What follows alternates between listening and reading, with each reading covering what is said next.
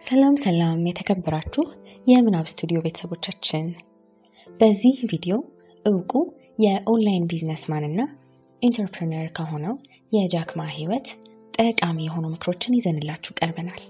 ብዙ ቁም ነገሮችን እንደምታገኙበት እምነታችን ነው። ለቻናላችን አዲስ ከሆናችሁ subscribe በማድረግ ቤተሰብ ይሁኑ። ከጃክማ ህይወት የምንወስዳቸውን ትምህርቶች ከመጥቀሳችን በፊት ጃክማ ማን እንደሆነ በአጭሩ እናስቃኛችሁ። ማዩን እንደ አውሮፓውያን አቆጣጠር መስከረም 10 ቀን በ1964 ዓ ም በሀገረ ቻይና ተወለደ። ከልጅነቱ ጀምሮ ለእንግሊዝኛ ቋንቋ ትልቅ ፍቅር ስለነበረው ያኔ አያቱ በጥበቃ ወደሚሰሩበት ሆቴል በየዕለቱ በመሄድ በዚያ ከሚገኙ የውጭ ሀገር ዜጎች የሆኑ ጎብኚዎች ጋር በመነጋገር እንግሊዝኛውን ለማሳደግ ይጥር ነበር። በዚያ ከተዋወቃቸው ፈረንጆች መሃል አንዱ እናትና አባቱ ያወጡለትን ስሙን ለመጥራት ስለከበደው ጃክ የሚል ምክትል ስም አወጣለት። ያንን ተከትሎም ብዙ ሰዎች ማዩን የሚለውን ስሙን ትተው ጃክማ እያሉ መጥራት ጀመሩ። ጃክማ አድጎ ከዩኒቨርሲቲ ከተመረቀ በኋላ የእንግሊዝኛ አስተማሪ ለመሆን ችሎ ነበር። በ1990ዎቹ ከኢንተርኔት ጋር ከተዋወቀ በኋላ ትኩረቱን ስለሳበው ጊዜውንና ጉልበቱን ይበልጥ ስለ ኢንተርኔት ለማወቅ በመትጋት ነበር የሚያሳልፈው። በ1999 ገደማም ከሌሎች ጓደኞቹ ጋር በመሆን አሊባባ የተሰኘ የኦንላይን መገበያያ ድርጅት አቋቋመ። አሊባባ የተባለው ድርጅቱ እንደ ኢቤይ ካሉ በጊዜው ትልቅ የሆኑና ገበያውን የተቆጣጠሩ ድርጅቶች ጋር ትንቅንቅ ቢገጥመውም ትርፋማ ሆኖ ዛሬ በመላው ዓለም ዝነኛ የሆነ የኦንላይን መገበያያ ሆኗል። በአሁኑ ጊዜ ጃክማ በሀገሩ አምስተኛ ሀብታም ሲሆን በዓለም ደረጃ ደግሞ 34ተኛ እርከን ላይ ይገኛል። ጃክማ የ34.1 ቢሊዮን ዶላር ሀብት ባለቤት ሲሆን የልዩ ልዩ ቢዝነሶችም ባለቤት ነው። ከዚህ በተጨማሪም ያለውን ሀብት ለተቸገሩት በመርዳት ለአዳዲስ የስራ ፈጣሪዎች መነሻ እንዲሆን በመለገስ እንዲሁም ለሀገራት ልዩ ልዩ እርዳታዎችን በመስጠት ይታወቃል። ዛሬ ላይ ጃክማ የሀብት ማማ ላይ ያለ ሰው ቢሆንም እዚህ የደረሰበት መንገድ ግን አልጋ ባልጋ አልነበረም። እጅግ ብዙ ውጣ ውረዶችን፣ እልህ አስጨራሽ ተግዳሮቶችን ሁሉ አልፏል። ታዲያ ከሱ ህይወት የምንወስዳቸው እጅግ ብዙ ትምህርቶች ያሉ ቢሆንም ጥቂቱን እነሆ ብለናል። ሽንፈትን መቀበል። ጃክማ በህይወቱ ብዙ ሽንፈቶችን አስተናግዷል። የገጠሙት ሽንፈቶች ግን ተስፋ እንዲያስቆርጡትና ወደ ኋላ እንዲያስቀሩት አልፈቀደላቸውም። ሽንፈቶቹን በመቀበል እንደገና ለመጋፈጥ ይጥር ነበር። ከዩኒቨርሲቲ እንደተመረቀ ለ21 የተለያዩ ድርጅቶች ለመቀጠር ቢያቀናም ሁሉም አልተቀበሉትም ነበር። እሱ ያለበት ከተማ ኬኤፍሲ ድርጅት ቅርንጫፍ ሲከፍትም ለስራ ያመለከቱ 24 ሰዎች የነበሩ ሲሆን 23ቱም ሲቀጠሩ ተቀባይነት ያላገኘው ጃክማ ብቻ ነበር። በኋላም አሊባባን ለማቋቋም ሀሳብ ሲያመጣ ሰዎች ሁሉ ሀሳቡ ሊሳካ እንደማይችል ይነግሩት ነበር።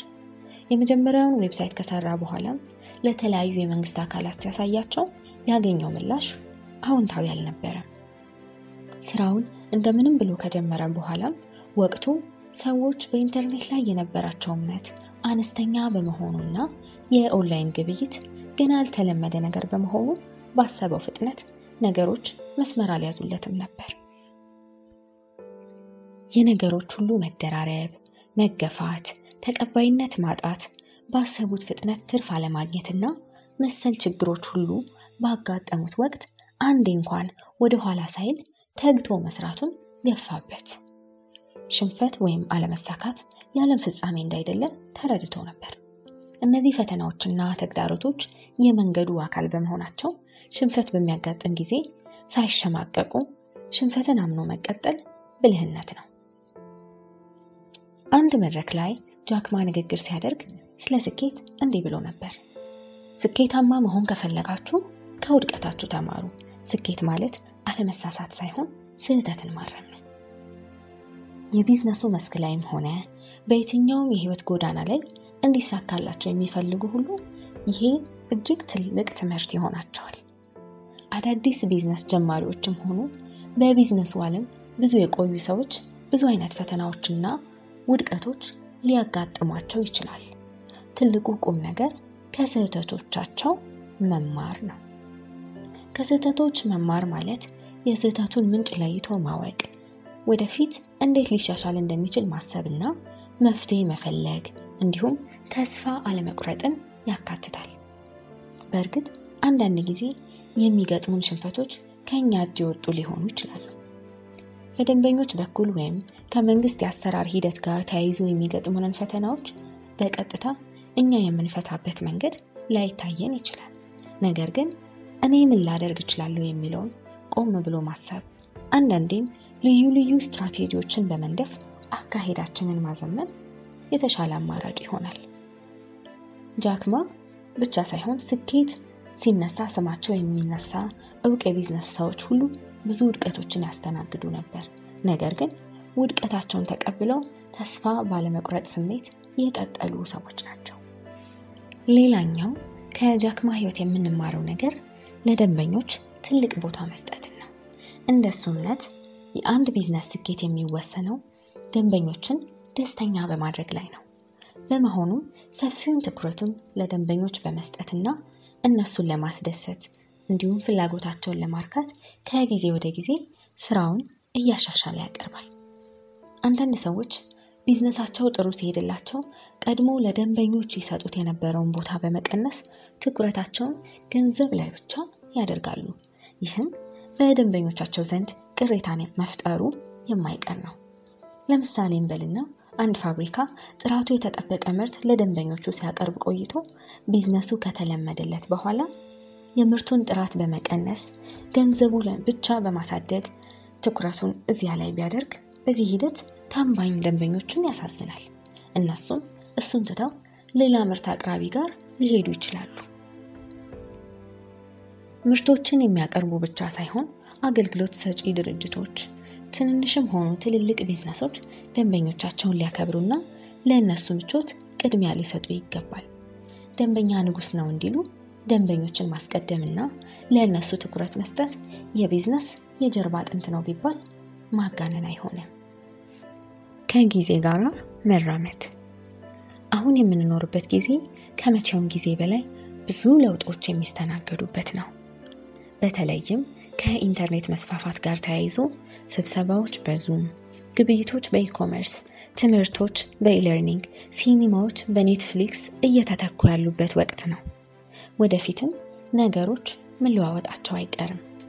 በመሆኑም ሰዎች በተለይም ቢዝነስ ላይ የተሰማሩ ሰዎች ከጊዜ ጋር የሚራመዱና ለውጥን የሚቀበሉ ሊሆኑ ይገባቸዋል። ጃክማ እስካሁን ድረስ ለውጥ ወዳጅና ከጊዜ ጋር የሚራመድ ዘመኑንም ቀድሞ የሚያይ እንደሆነ ለመገንዘብ ቀላል ነው። በወቅቱ ሰዎች ኢንተርኔት የሚባል ነገር መኖሩን እንኳን ሳያውቁ የኦንላይን ግብይትን በሀገሩ ለመጀመር አሰበ።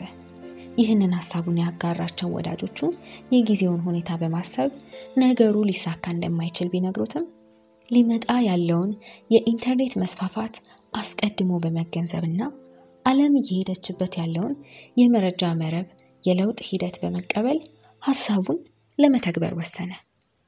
በዚህ ውሳኔው ዛሬ ላይ ዓለም ላይ አለ የተባለ የኦንላይን መገበያያ ባለቤት ለመሆን ችሏል።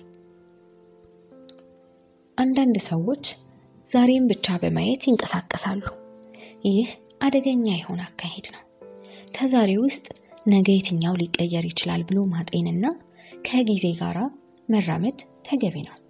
አማዞን በአሜሪካ ውስጥ ስራ ከጀመረ ወዲህ ለቁጥር የሚታክቱ ሱቆች ከስራ ውጭ ሆነዋል።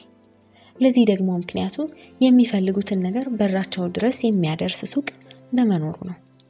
ከዚህ እንደምንገነዘበው ዓለም ሁሌም ተለዋዋጭ መሆኗን ነው።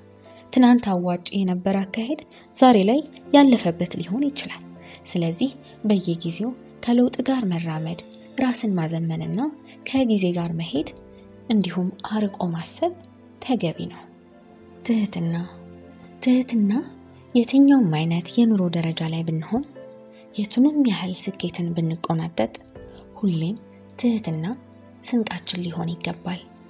በራስ የመተማመን ስሜትና ድፍረት መልካም ባህሪያት ቢሆኑም ነገር ግን መስመራችንን ማለፍና ትህትናን ማጣት አግባብ አይደለም።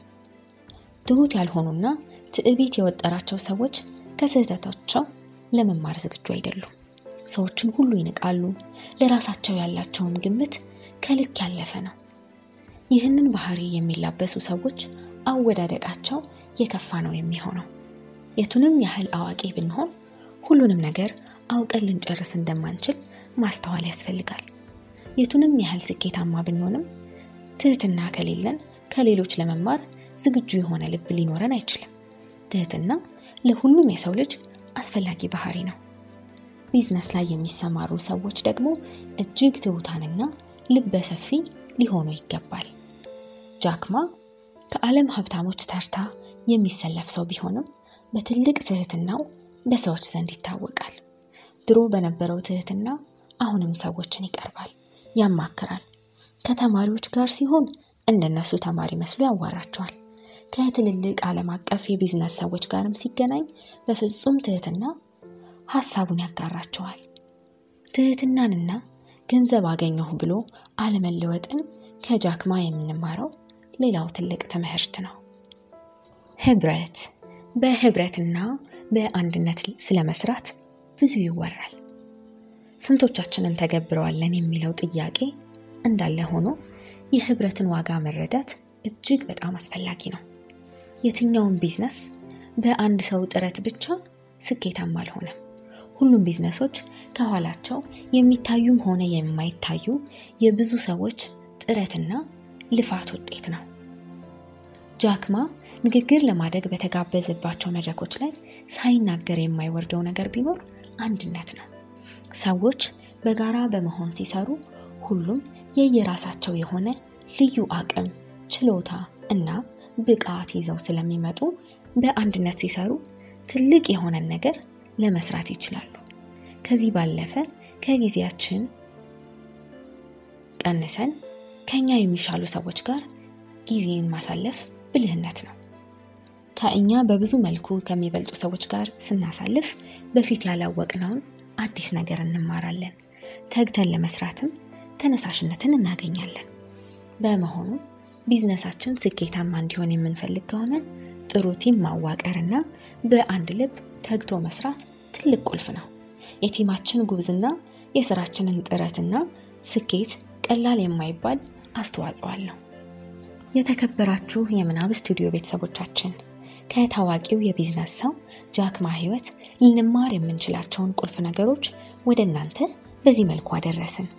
ከጃክማ ባለፈ እናንተ የምታውቋቸውና እንደ role model የምታዩቸው የቢዝነስ ሰዎች እነማን ናቸው? በ comment ላይ አስቀምጡልን። በዚህ ቪዲዮ ትልቅ ትምህርት እንዳገኛችሁበት እምነታችን ነው። like እና share በማድረግ ለሌሎች ወዳጆቻችሁ እንዲደርስ ማድረግ ትችላላችሁ። ሌላ ጊዜ ሌላ አስተማሪ ቪዲዮ ይዘን ወደ እናንተ እንመጣለን። ስለተከታተላችሁን ምስጋናችን ላቅ ያለ ነው። ምናብ ስቱዲዮ